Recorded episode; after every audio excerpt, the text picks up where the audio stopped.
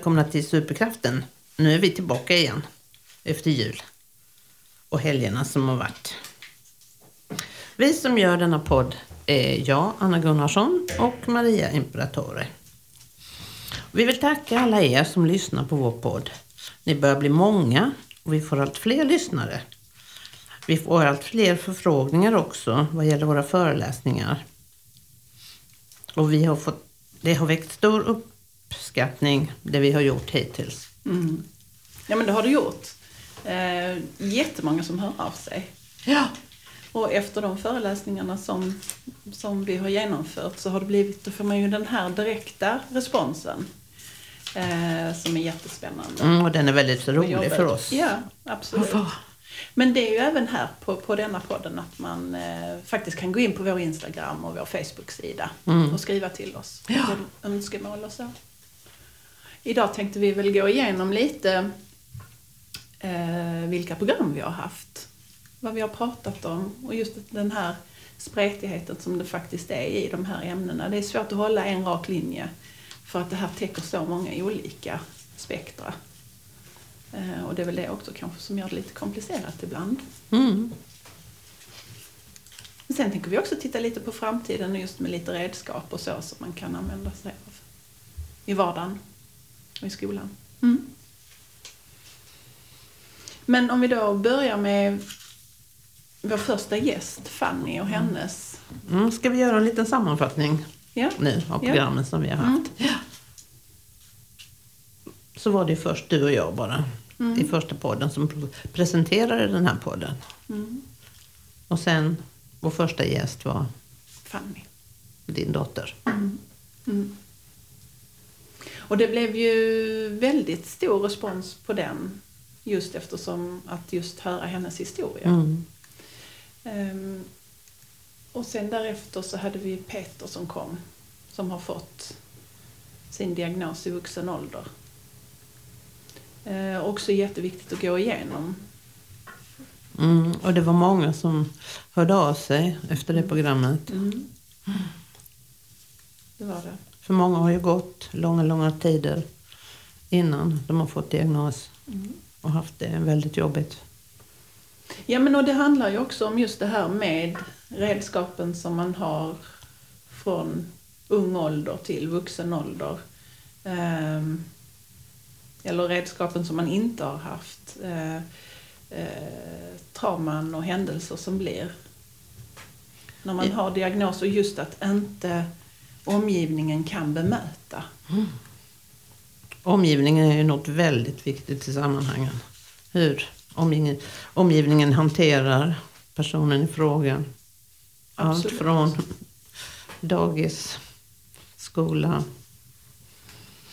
ja, föräldrar, kamrater, Mm. alla Det är egentligen. ett jättestort ämne och det var som vi pratade om också att det handlar inte bara om att det är föräldrarna som står där utan det är ju som vi sa tidigare också att det är mormor, morfar, farmor, farfar, eh, närmsta vänner. För det här är ju inte någonting som man kan dölja. Eh, många väljer att blunda för det, absolut. Men, men lever du i en sån här familj så är det ju mycket som händer runt omkring hela tiden. Som förälder så blir man mer och mer ensam när man Mm. sitter i de här situationerna. Och egentligen lever vi ju inte som familj på någon öde ö. Men det blir ju för många familjer i den här situationen som att leva på en öde ö. Det är det absolut. Mm. Ensamheten blir jättestor. Jag tycker om jag ska utgå från mig själv så har jag haft fina, fina vänner. Men jag har också skalat ner min, min umgängeskrets till bara sådana man kan riktigt lita på. Mm. Eh, Och som alltid finns där. Och det är inte alltid man vill träffa dem eller orkar träffa dem. Men när man väl får den här och, och, och att man känner att man vill umgås då vet man att ja, men dit kan man åka för att de accepterar att barnen är hej baberiba liksom. Ja. Ehm, för det är ju inte lugna träffar. Det är ju inget lugnt liv man har, har levt med barnen. Det är full rulle hela tiden. Sen är det fantastiskt roligt men det är fantastiskt slitsamt. Mm. Och trötta föräldrar kanske inte alltid är de roligaste heller va? Om man ska vara ärlig. Alltså man levde ju hela tiden på gränsen. Mm. Man var ju så fruktansvärt trött. Eh, samtidigt som att alltså de, de barnen ger ju en jättemycket glädje. Och det är helt fantastiskt men det är jättetufft och Mm. ibland så känner man bara för att ge upp. Att man inte orkar mer. Mm. Där är ju vänner ett stort stöd.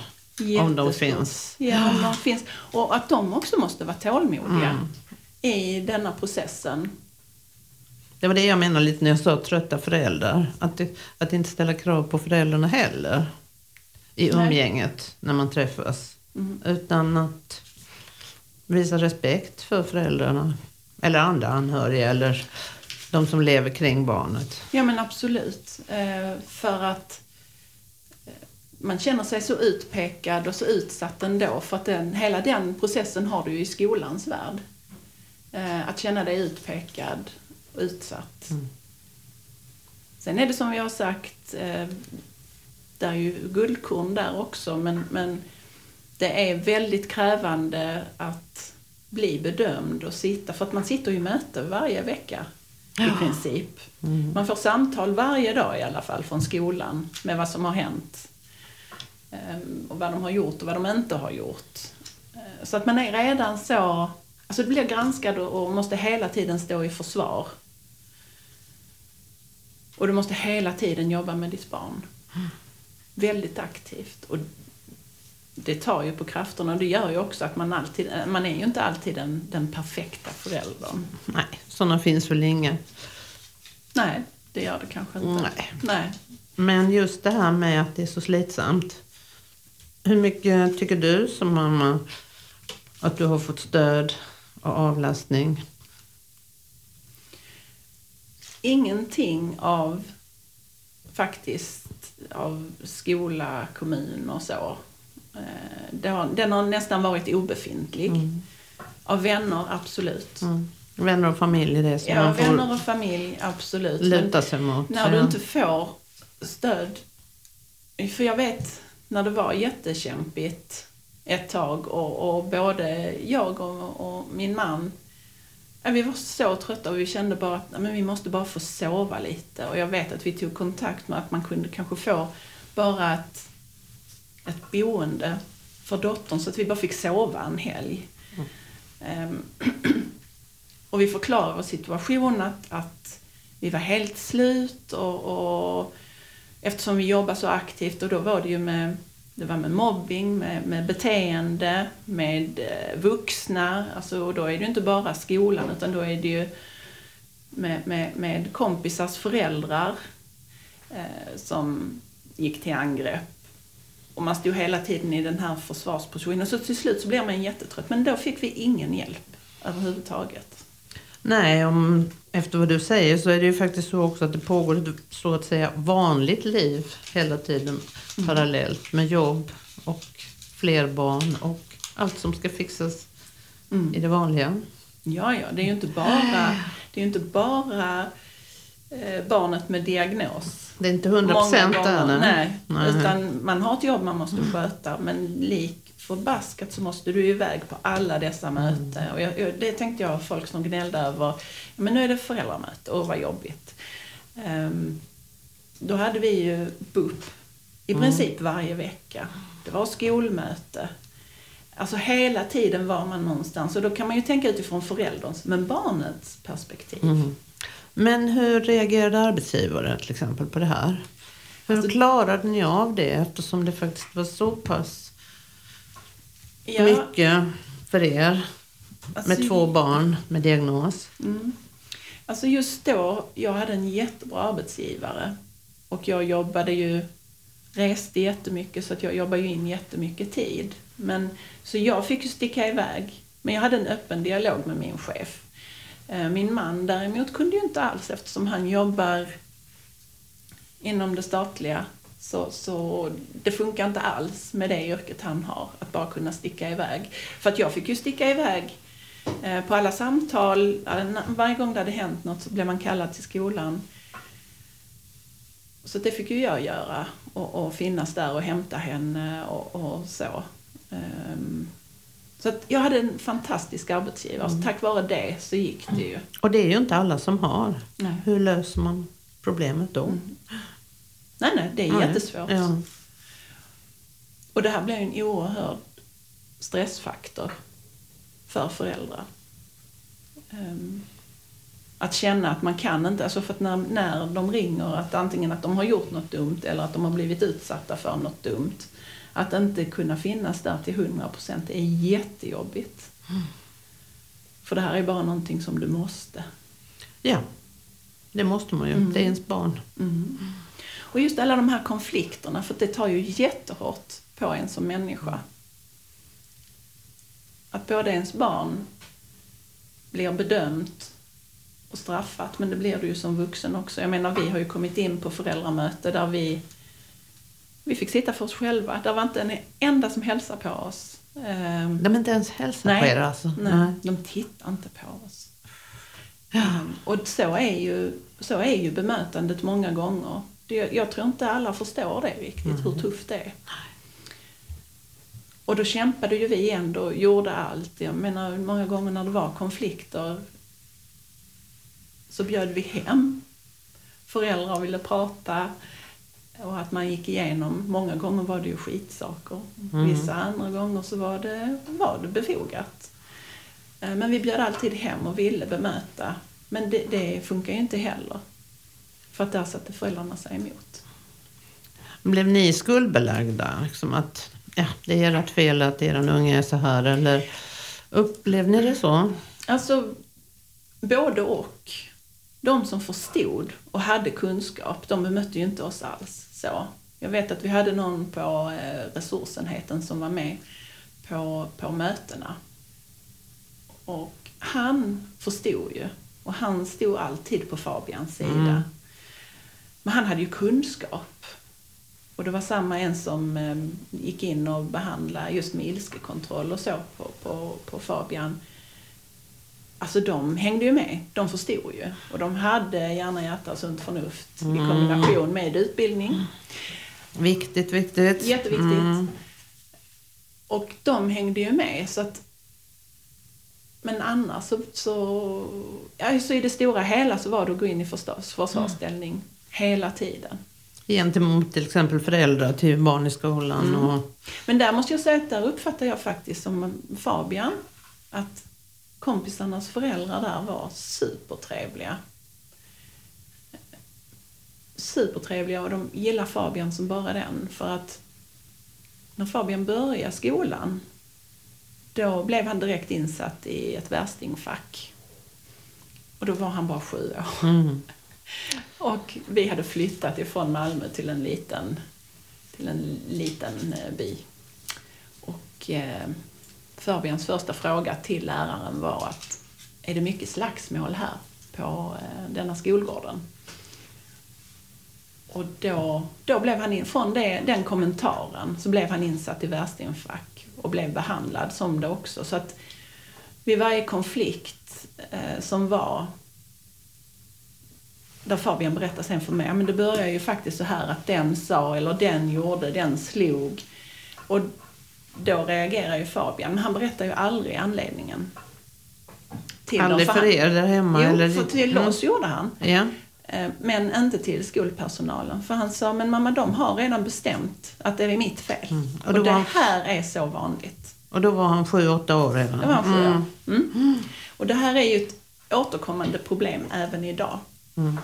Då väljer de här killarna eller tjejerna att eh, faktiskt bara ta, jag, jag tar utskällningen för att de lyssnar inte på mig ändå. Så det är lika bra att ta utskällningen och sen så kan jag gå vidare. Men däremot i, i hemmiljö hos hans kompisar så behandlar föräldrarna honom med respekt. De är jättesnälla mot honom. Man behandlar honom som vilken unge som helst. Där funkar det. Eh, oftast, alltså det är ju småbråk, men, men det funkade jättebra. Mm. Så det var skillnad mellan Fabian då, storebror och Fanny lillasyster, tycker Ja. du? För just du berättade att föräldrarna knappt hälsade på er på föräldramöte Mm. eller undvek er. Ja, och det var då utifrån Fanny. Men på Fabian så var de supertrevliga. Mm. Mm. Men just eh, gällande Fanny där så var det jätteotrevligt. Mm. Det varit en väldigt tung tid. Mm. Ja men det var det. Mm. Det var jättetungt. Och väldigt tungt för Fanny. Oh ja. Ja men det var det. Men det är ju som i detta, det här blir ju det blir ju inte bara barnet med diagnos utan det blir ju hela omgivningen får är väldigt utsatta. Och det är väldigt mycket kämpande och väldigt mycket Alltså jag tror att många ger upp. Att de orkar inte. Och de har mitt fulla stöd. För jag vet själv hur jobbigt det är. Så jag förstår att man inte orkar. Nu orkade jag fram tills, eh, ja, tills det hände en traumatisk grej. Sen därefter så orkar jag inte mer. Jag klarar inte mer. Då sa kroppen att, eh, sa den ifrån att nu, nu är det nog. Mm. För det är så hård psykisk stress och press. Det är faktiskt omänskligt det vi föräldrar får gå igenom som sitter med, med de här barnen. Ja, just att titta på den här öde ön. Mm. Jo, det, man tror man är ensam faktiskt om de här problemen. Mm. Ja. Vad fick ni för erbjudande? Ni fick inga erbjudande från social... Ni fick, du fick hela tiden strida för att det skulle komma... Få någon hjälp. Ja, men absolut. Eh, det fick vi. Eh, och det blev ju då när de flyttade, när vi tog bort Fanny från skolan. Och då hade jag ju redan eh, kontakt med socialtjänsten. För det var ju där jag hade frågat om avlastning och det fick vi inte för att de tyckte att våra vänner skulle avlasta. Ja. Och det var som, jag sa, men all, alla har ju sitt liv. Eh, Allas liv rullar på, alla har mycket. Att man då ska ta in ett annat barn i deras vanliga liv, det är kanske lite mycket begärt, kan jag känna. Ehm, sen har man ju vänner som ställer upp, absolut. Men jag tänkte kanske att samhället kunde hjälpa oss lite på den biten, men det gick ju inte. Men, men när vi flyttade henne i alla fall och hon fick komma till din skola, då fick vi ju ett enormt stöd i det, Janna. Ja, och sen tänkte jag just på att det här att jag sen fungerade som stödperson till Fanny efter skolan också. Ja. För, För där fick vi där hjälpa. fick ni ju sova emellanåt. Det fick vi, och det behövdes ju Ja, verkligen precis. i den åldern. För då satte det ju igång på ett annat sätt. Ehm, och där var det ju jätteviktigt, för att där, där fick vi ju koppla in dig just för att, ja men då visste vi var hon var. Mm. För att den oron som man... Man kan inte göra någonting men, men man vandrar ändå där ute på nätterna och jagar och åker runt. Och, men när vi då visste att hon var hos dig Anna, där hon kände sig trygg. Och det är rätt så skönt för, för en ungdom att faktiskt få komma ifrån de närmsta.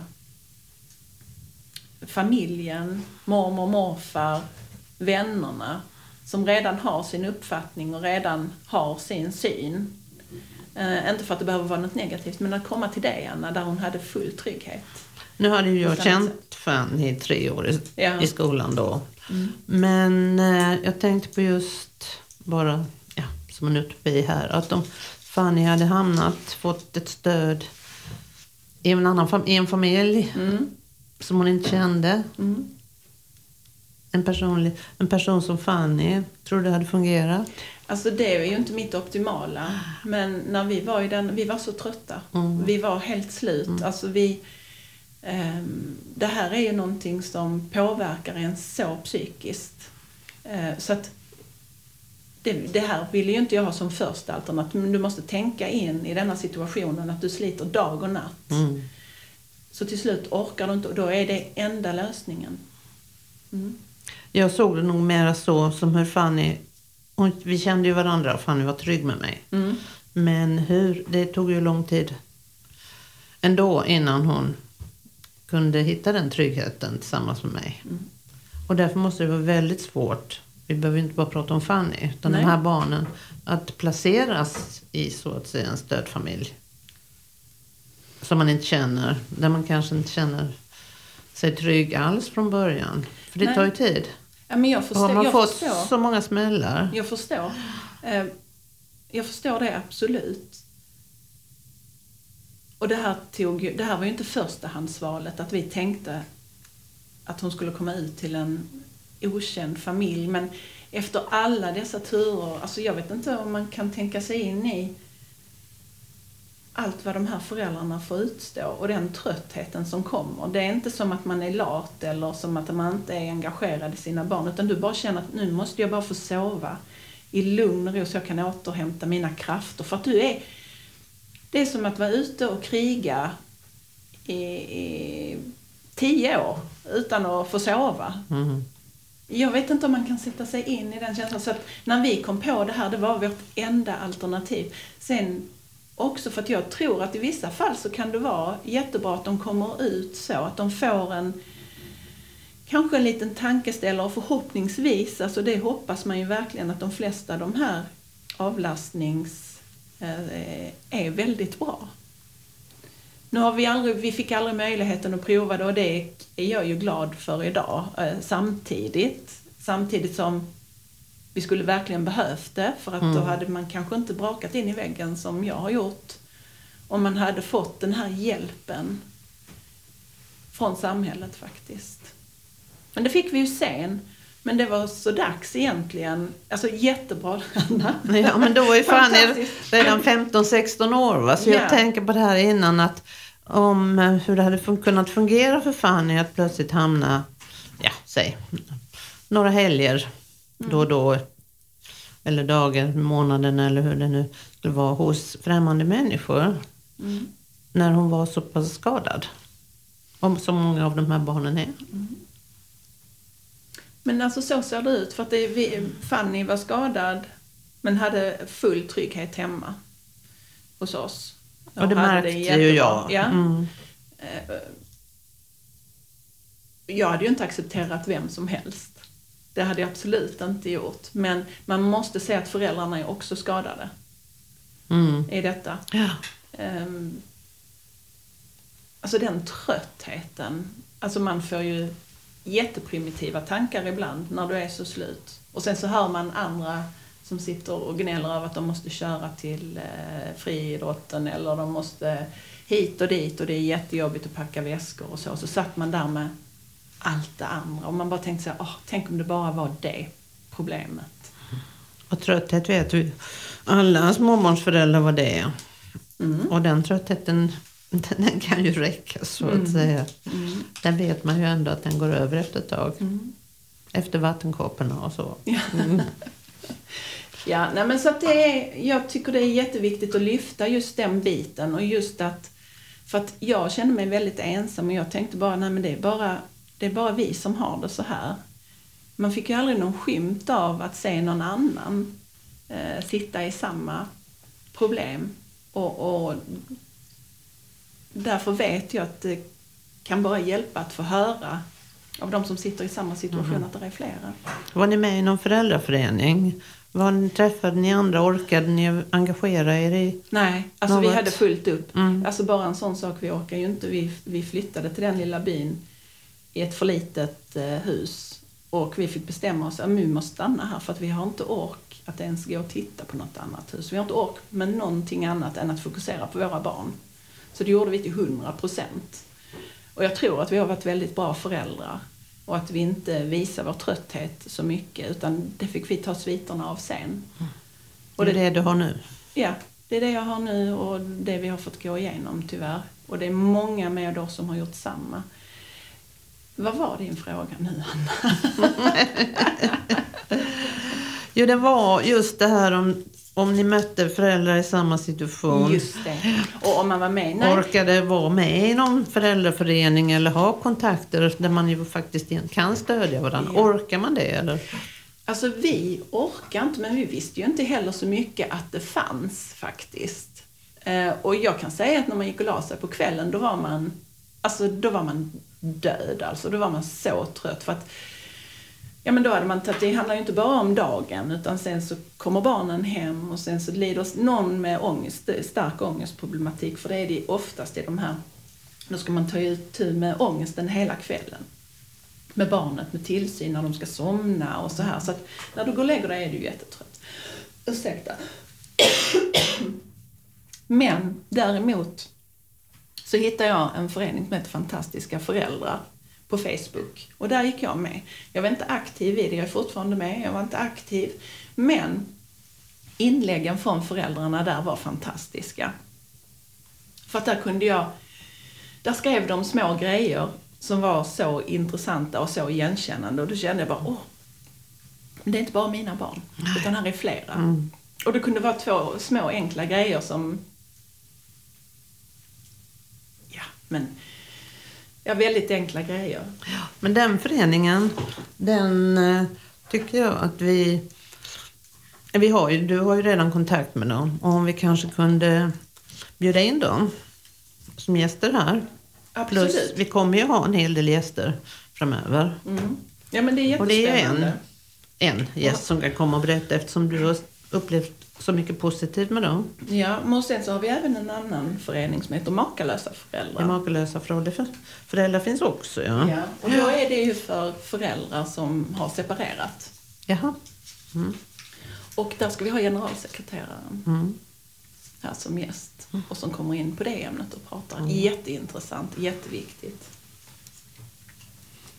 Ja, det ser vi fram emot och det hoppas jag att ni också gör. Vi kommer att i vår ha en hel del gäster som kommer till oss här och är med i vår podd. Vi kommer också att vara ute och föreläsa mer och vi vill också vara en slags stödfunktion. Vi vill att ni ska kunna nå oss. Vi vill kunna komma ut och stötta. Framförallt föräldrar. Eller vad säger du Maria? Ja, absolut. Eh, jag glömmer ju inte det fantastiska stödet som vi fick. Det var jag en förening som jag tog kontakt med och det var Dyslexiförbundet. När ordförande kommer ut och, och stöttar oss i möte. Och det ger en oerhörd eh, kraft och styrka för barnen. De är inte vana att bli sedda på ett respektfullt sätt. Men här kom det in i en roll där de kom ut från Dyslexiförbundet och eh, representerade mitt barn. Och det är lite så som vi känner ju faktiskt att det är ett sätt som vi kan jobba på. Att man stöttar föräldrar i de här tuffa mötena, att man stöttar barnen i de tuffa mötena. Mm. Men även att man kan vara ute och hjälpa hur man ska jobba med dem rent inlärning, mm. inlärningsmässigt. Ja. Som eh, till exempel stötta resurspedagoger. Mm. Överhuvudtaget komma ut och prata i skolor. Mm. Jätteviktigt. Ja. Och både prata utifrån pedagogens och barnets. För att det här handlar ju inte om att många gånger att människor är elaka, men de har inte kunskapen och inte erfarenheten och inte erfarenheten heller. För att det är många, jag kan förstå många gånger att man ser, om man inte har erfarenheten, eh, att man tycker att det är en jobbig unge. Mm som skriker hela tiden upp och hoppar och så ger man då straff som time-out som jag vet de körde jättemycket med Fabian. Då sätter man in ett barn ensamt i ett rum och så får de sitta där helt ensamma och tänka över vad de har gjort. Det har de gjort på både Fanny och Fabian. Eh, det är ju fruktansvärt. Så att när jag fick reda på det, alltså det är så fruktansvärt. Jag gissar att det aldrig har funkat. Det har aldrig funkat. Aldrig funkat. Nej, nej, nej, nej, nej. Aldrig funkat. Men återigen så vill vi också poängtera att vi är ju amatörer.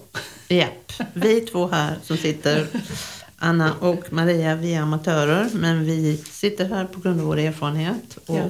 på grund av att vi tycker att det är väldigt, väldigt viktigt att få fram. Mm. Ja, och men diskutera. Och vi, har hittat, och vi har hittat ett sätt att arbeta mm. på som är jätteviktigt för varje individ faktiskt. Ja. ja. Vi hoppas att ni vill lyssna på oss i framtiden också. Ja, det hoppas vi verkligen. Och som sagt, vi kommer att ha olika gäster ja, vi kommer, vi kommer faktiskt att träffa, för att vi hade ju program med eh, Johan Vara själv Ja. här och, och Johan tillsammans med Fanny. Och det kommer att bli flera Mm. eh, återkopplingar med just både Johan och Fanny men också med Johan själv med oss. Vi kommer också ha skolpersonal. Skolpersonal, vi kommer att ha från socialtjänsten, ifrån BUP. Mm. Så det kommer bli en, en väldigt intressant vår. Ja. Och nu så har vi även kommit och kommer att komma ut med här i slutet av januari, början av februari, våran eh, Superkraften. Loggan, ja. Mm, så kommer ut som halssmycke, som eh, blå, ja. ja, och som ring. Så det finns ni som känner att ni deltar här med oss och att det är något viktigt. Så kan man visa det. Mm. Och det är också ett sätt att andra ser det. Mm. Och att man kan stödja varandra genom det. det är ja. inte, Alltså det är ju inte bara de runt omkring för att jag tror det kan kännas rätt så bra för en själv att det är ett statement liksom. ja. Mm. Nej, men så vi ser fram emot våren och vi tackar er jättemycket för Mm. att ni har hängt med och att vi har så grymt många lyssnare. Mm. Och att föreläsningarna faktiskt börjar trilla in. Mm. Och, Det är riktigt nice. ja. Så vi tackar och säger hej. Och så ses vi nästa gång. Mm. Hoppas jag. Absolut.